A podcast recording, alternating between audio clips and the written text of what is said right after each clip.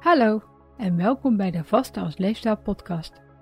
Mijn naam is Amanda Kortman, ik ben gewichtsconsulent en omdat er zoveel slechte informatie over vasten verspreid wordt, hoop ik het met deze podcast zo te verduidelijken dat voor iedereen kan werken. Je vast wanneer je langer dan 12 uur niks neemt wat vaste stopt, dus is makkelijker dan je denkt.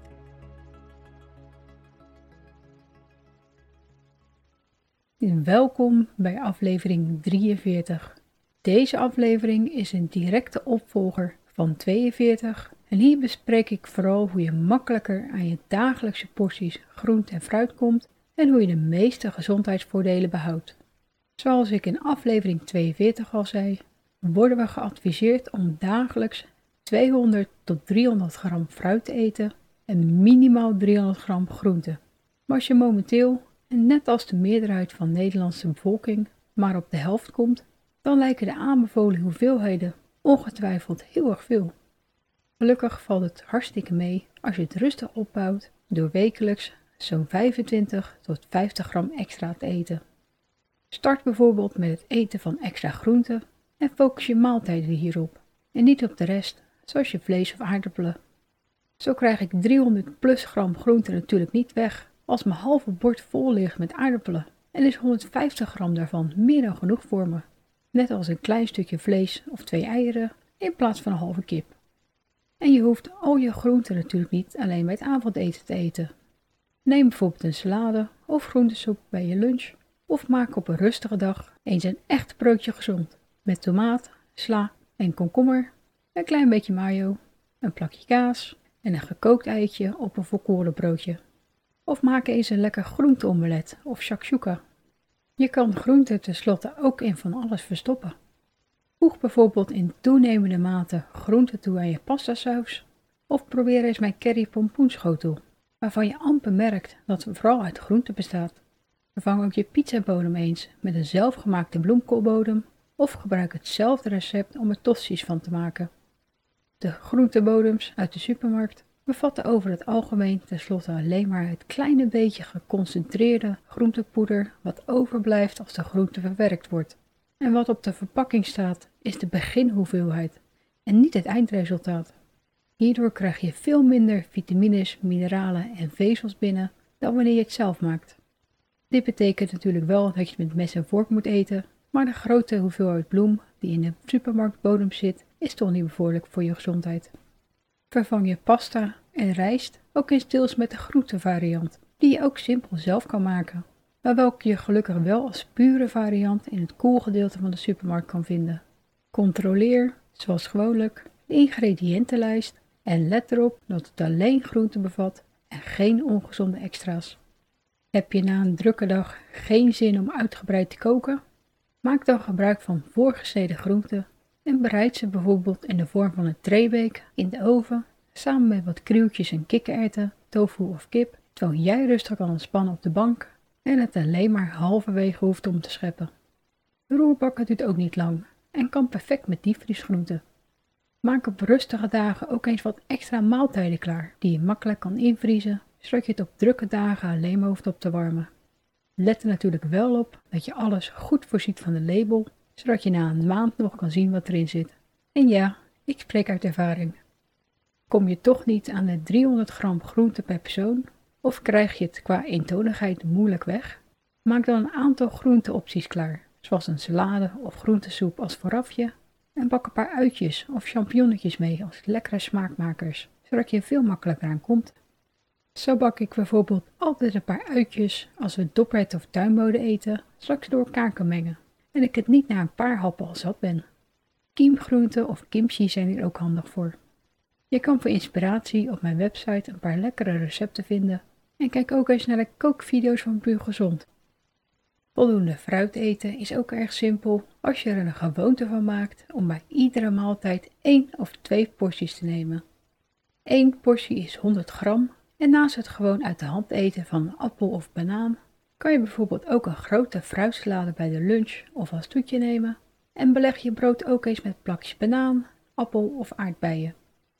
Een volkoren kaastosti met ananas is ook erg lekker. En je kan er zelfs nog wat tomatenpuree en Italiaanse kruiden op doen voor een gezonde pizza Hawaii smaak. Fruit is in stukjes ook heerlijk door de kwark of yoghurt, samen met wat muesli of door de havermout.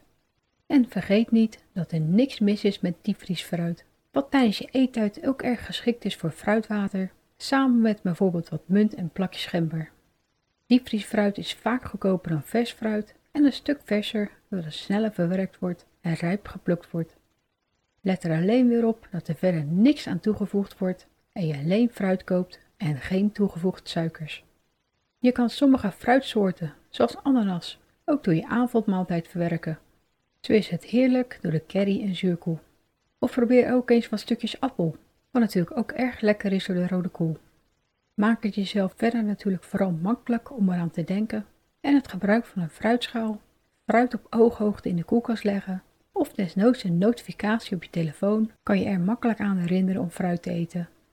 Ik eet gewoon standaard 250 gram fruit bij de lunch en minimaal 300 gram groente bij het avondeten, zoals ik ook in aflevering 42 heb besproken. Dus ook als vaster kan je er makkelijk aan komen. Doe je vaak omet? Neem dan je porties fruit als voorgerecht of toetje en focus je hoofdmaaltijd op je porties groente, samen met voldoende eiwitten, gezonde vetten en vezels. Doe je vooral MADF? Eet dan drie porties caloriearme groenten met een magere eiwitbron bij je minimaaltijd en één portie caloriearm fruit als toetje, zodat je niet boven de 500 calorieën komt en eet er de dag erop gewoon wat extra van, zodat je er gemiddeld alsnog aan komt. En hoewel er dus genoeg manieren zijn om uiteindelijk aan de aanbevolen hoeveelheden te komen, worden ze op sommige websites juist afgeraden vanwege de bestrijdingsmiddelen en antinutriënten die ze kunnen bevatten. Ik zou me er echter geen zorgen over maken. De bestrijdingsmiddelen worden in Europa zo streng gecontroleerd dat je echt je best moet doen om ergens te veel van binnen te krijgen. Zolang je niet dagelijks kilo's van een enkele soort eet, is de kans gewoon gigantisch klein.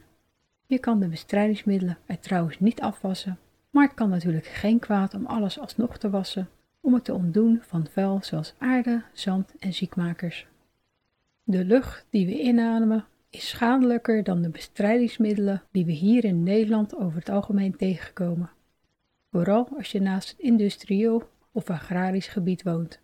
En daar weet ik helaas alles van, zoals je wel aan mijn stem kan horen. Maar ademen is nou eenmaal van levensbelang en de antioxidanten die gezond voedsel bevatten, compenseren gelukkig veel voor de mogelijke schadelijke effecten van de giftige stoffen die we onmogelijk kunnen vermijden. Buiten Europa wordt er minder goed gecontroleerd, maar ook daar zijn de gezondheidsvoordelen van groente, fruit en andere gezonde voedingsmiddelen in de aanbevolen hoeveelheden nog altijd groter dan de mogelijke nadelen. Als je je echt zorgen om maakt, kun je natuurlijk altijd voor biologisch gaan, maar dit is over het algemeen een stuk duurder. Er wordt nog wel eens gezegd dat biologisch voedsel gezonder is, maar de onderzoeken spreken elkaar in zoverre tegen dat ik er geen advies over kan geven. Dus ik zou gewoon gaan voor degene die je kan betalen en die je natuurlijk het lekkerst vindt. Je moet sowieso gaan voor de groente- en fruitsoorten die jij lekker vindt, want anders kan je de aanbevolen hoeveelheden nooit volhouden. Dat biologisch voedsel gezonder zou zijn, zou trouwens onder andere komen doordat planten vaak bitter of juist pittig smakende beschermende stoffen aanmaken die ervoor zorgen dat ze minder snel aangevreten worden. Dit zijn een vorm van antinutriënten die in ons, in de hoeveelheden dat ze in groente en fruit zitten, slechts een milde stressreactie veroorzaken. En doordat biologisch voedsel veel minder beschermd wordt door gemaakte bestrijdingsmiddelen, moeten de planten in theorie zelf meer van deze natuurlijke bestrijdingsmiddelen aanmaken om zichzelf te beschermen. In hoeverre dat voor onze gezondheid echt een verschil maakt, blijft echter nog onduidelijk. Maar het Engelse gezegde What doesn't kill you, only make you stronger. Oftewel, wat je niet doodt, maakt je alleen maar sterker. Geldt niet alleen voor sporten en verstandig vasten, maar ook voor het eten van planten, zoals groente en fruit. En daar hoeven ze niet eens biologisch voor te zijn. Door onder andere de voedingsstoffen, vezels, antioxidanten en antinutriënten die ze bevatten, maken ze ons sowieso gezonder. En je verkleint daarom je kans op vroegtijdig overlijden en welvaartsziekten als je er voldoende van eet. Een andere vorm van antinutriënten zijn de stoffen die de opname van de microvoedingsstoffen verminderen, zoals die in koffie en thee zitten. Maar dit is vaak verwaarloosbaar zolang je gezond en gevarieerd eet. Maar let wel extra op al het andere wat je binnenkrijgt. Zo moet je bij bijvoorbeeld vezelsupplementen erop letten dat ze de opname van mineralen verminderen en let ook altijd op de bijsluiten van je medicatie. Zo stoppen bijvoorbeeld ook maagzuurremmers de opname van bepaalde microvoedingsstoffen en kan je bijvoorbeeld beter geen grapefruit eten als je bepaalde bloeddrukmedicaties slikt, zodat de medicatie dan slechter werkt. Maar is het bijvoorbeeld bij veel antibiotica soorten juist belangrijk dat je neemt met voedsel, omdat ze dan juist beter werken en de kans op bijwerkingen zoals misselijkheid verkleint. Sommige voedingsstromingen zien alle antinutriënten als heel erg problematisch en je kan er uiteraard van alles over vinden. Maar ik ben nog nooit tegengekomen dat iemand problemen kreeg van alle groente- en fruitsoorten en eerder van de supplementen, medicatie en het vele ultrabewerkte voedsel wat ze binnenkregen. Krijg je last van sommige groente- en fruitsoorten en is een allergie uitgesloten? Riep je dan eens in het FODMAP-dieet, wat ik ook in afleveringen 21 en 30 heb besproken. Ik kan ook niet overal even goed tegen, en hoewel bijvoorbeeld bietjes en asperges hartstikke gezond zijn, krijg ik er flinke buikpijn van en neem ik wel wat anders. Ik kan ook niet te veel appels en peren eten zonder dat ik er last van krijg, maar zolang ik het bij de kleine varianten hou en ze niet dagelijks eet, heb ik er geen last van en kan ik er alsnog van genieten. Hoe je iets klaarmaakt, kan er ook voor zorgen dat het makkelijker verteerbaar is. En het is niet voor niks dat de eerste proefhapjes van baby's met vier maanden gepureerd en vaak gekookt zijn. Dit kan je zien als een voorvertering, aangezien hun darmpjes het nog niet goed kunnen en ze natuurlijk het kouwen nog niet onder de knie hebben. Na hun eerste verjaardag kunnen ze echter gewoon met de pot mee eten, zolang de ouders ervoor zorgen dat de proefhapjes door de maanden heen steeds grover worden en hun kleine en zijn of haar darmen steeds meer hun best moeten doen. Nu wil ik je natuurlijk niet aanraden om alles te pureren, maar je kan per groente en fruitsoort wel kijken of je het beter kan verdragen als je het kookt, roerbakt of juist rauw eet. Naast verteren beïnvloedt de bereidwijze of juist het gebrek eraan ook de voedingswaarde. En zo gaat bijvoorbeeld vitamine C voor bijna 40% verloren als je de groente lang kookt in veel water en het kookwater verder niet gebruikt. Maar ja, je verliest iets als je het snijdt, doordat je de celstructuren kapot snijdt waar ze in zitten. Daarom is het belangrijk om groente en fruit niet te lang te laten liggen als je het hebt gesneden, om zo min mogelijk kookwater te gebruiken en om alles zo grof mogelijk te snijden, zodat er zoveel mogelijk microvoedingsstoffen bewaard blijven. Kook het verder niet te lang, zodat er minder in het kookwater verdwijnt, tenzij het kookwater onderdeel is van het gerecht, zoals bijvoorbeeld bij soep of stoofschotels. Je kan veel groenten ook stomen of kort roerbakken, aangezien er dan nog minder verlies is. Je kan natuurlijk ook alles rauw eten, maar sommige stoffen, zoals lycopene in tomaten, worden juist veel beter opgenomen doordat door het verhitten de plantencellen het makkelijker vrijgeven. Ga daarom vooral voor de bereidingsmethode die jij het lekkerste vindt en experimenteer hier ook eens mee om je porties groente en fruit zo lekker mogelijk te maken. Zo vind ik gekookte spruitjes niet lekker, maar rooster ik ze graag in de airfryer of verwerk ik ze in een lekkere quiche waardoor ik ze toch regelmatig eet. En wist je dat verhit fruit zoeter smaakt? Ik zou ze niet tot moes koken, maar je zult merken dat plakjes appel zoeter smaken als je een minuutje opwarmt in de magnetron. Gooi je nog een snufje kaneel, een eetlepel rozijntjes en wat Grieks yoghurt over en het is een heerlijk toetje. Om de grootte van je portie groente of fruit te bepalen, is het vooral in het begin handig om alles te wegen zodra je het hebt schoongemaakt en, indien nodig, hebt ontdaan van de schil. Vooral groenten, zoals spinazie, staan er echter onbekend dat ze flink krimpen tijdens het verhitten en je kunt er online dan ook genoeg grapjes over vinden. Het is gelukkig niet zoveel als het plaatje wat ik gelinkt heb, maar van een pan vol met verse spinazie blijft er maar de helft over, waardoor het belangrijk is om de hoeveelheid groente te wegen als je het op je bord doet, zodat je daadwerkelijk aan minimaal 300 gram per dag komt. Op de website van het voedingscentrum kan je per groentesoort opzoeken hoeveel je nodig hebt, rekening houdende met het slinken en het schoonmaken. Dus die heb ik ook gelinkt, zodat je het makkelijk kunt opzoeken.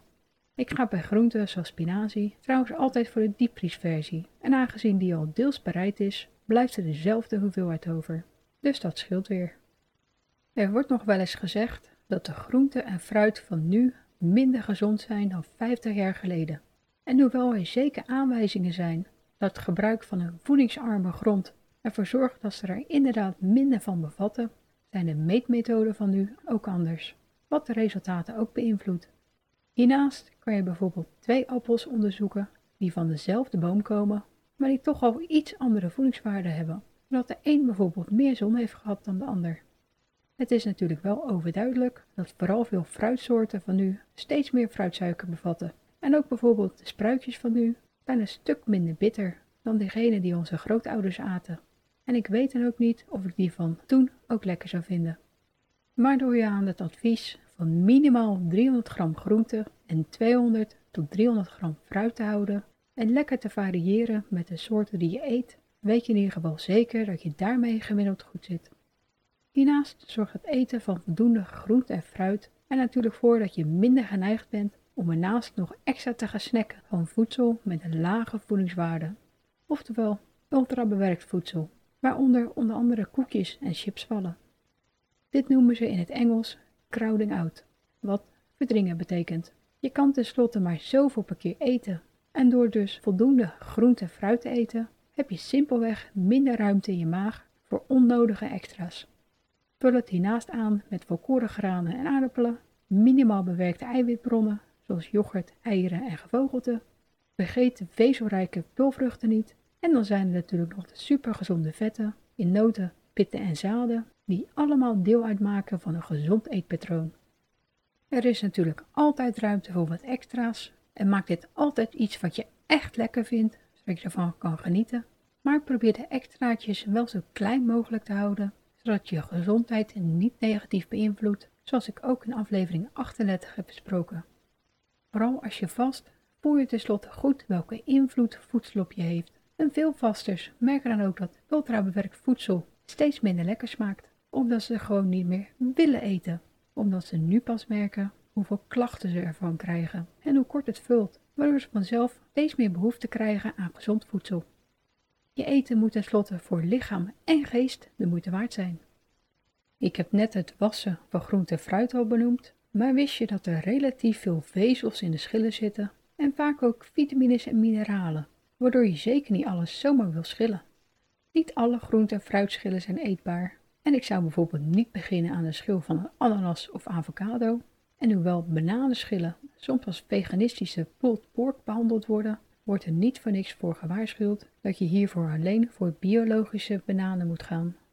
De regels voor bestrijdingsmiddelen zijn gelukkig erg streng in Europa maar ze zijn minder streng voor de schillen van soorten waarbij de schil normaal gesproken niet gegeten wordt. En er wordt alleen gecontroleerd of het standaard eetbare gedeelte voldoet aan de eisen.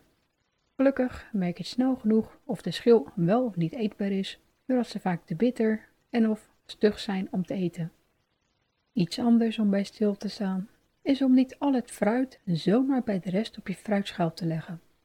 Zo staan vooral bananen erom bekend dat ze het drijvingsstofje ethyleen via de stil afstaan, wat er niet alleen voor zorgt dat ze zelf narijpen, maar het groente en fruit eromheen ook. Door de stelen af te dekken met huisuitfolie kan er trouwens voor zorgen dat alles minder snel rijpt. Naast bananen maak ook appels, peren, kiwis, tomaten, abrikozen, mango's en perziken de stofje aan en zijn bijvoorbeeld avocado's hier erg gevoelig voor. Wat natuurlijk erg handig is als ze nog niet rijp zijn maar zonde is als ze daardoor een beetje te rijp worden. Gelukkig kan je ze dan altijd nog in stukjes invriezen en dit geldt natuurlijk voor alles wat overrijp is. Ik heb een handig overzicht genaamd ethyleen gelinkt, zodat je kan opzoeken welke je wel en niet bij elkaar kan bewaren, zodat je het zoveel mogelijk kan voorkomen als je er last van hebt. Na het horen van al deze informatie zijn er ongetwijfeld genoeg luisteraars die zich afvragen hoe ze het met hun beperkte budget kunnen betalen om er voldoende van te eten. De prijzen zijn tenslotte behoorlijk omhoog gegaan dit laatste jaar. Er zijn al jaren vage plannen om de BTW van groente en fruit te halen en in 2024 zou het echt zover moeten zijn, maar voor nu heb ik in ieder geval deze tips voor je.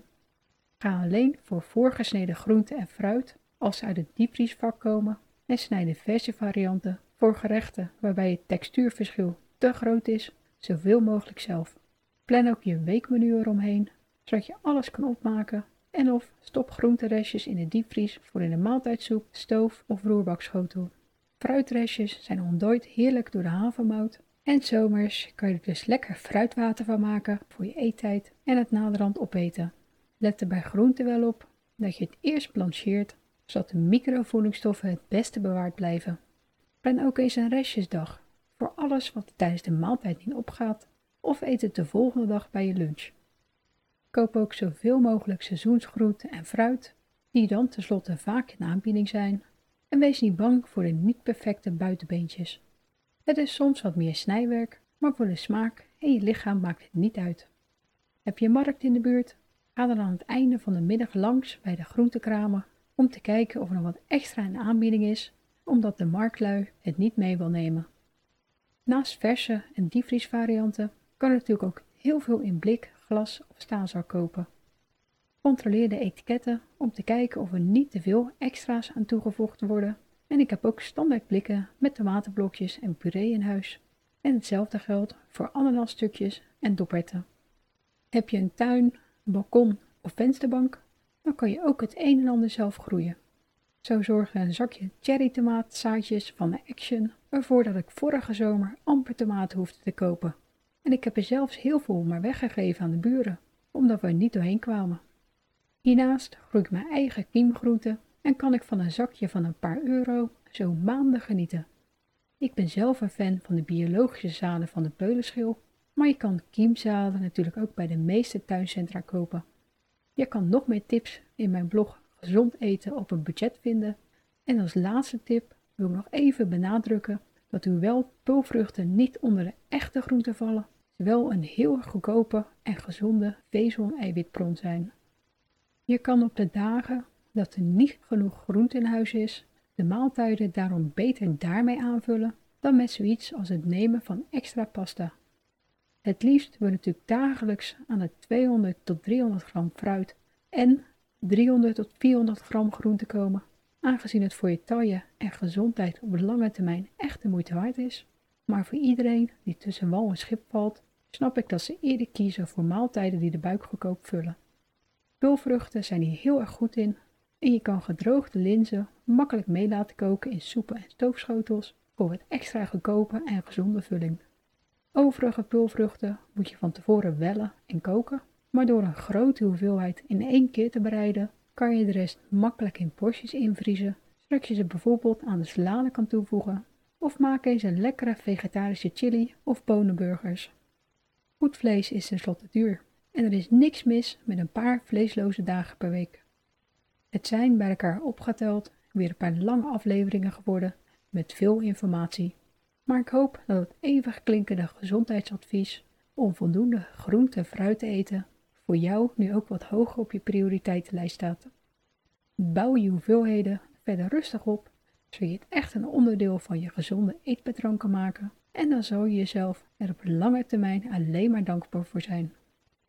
In aflevering 44 bespreek ik welvaartsziekte.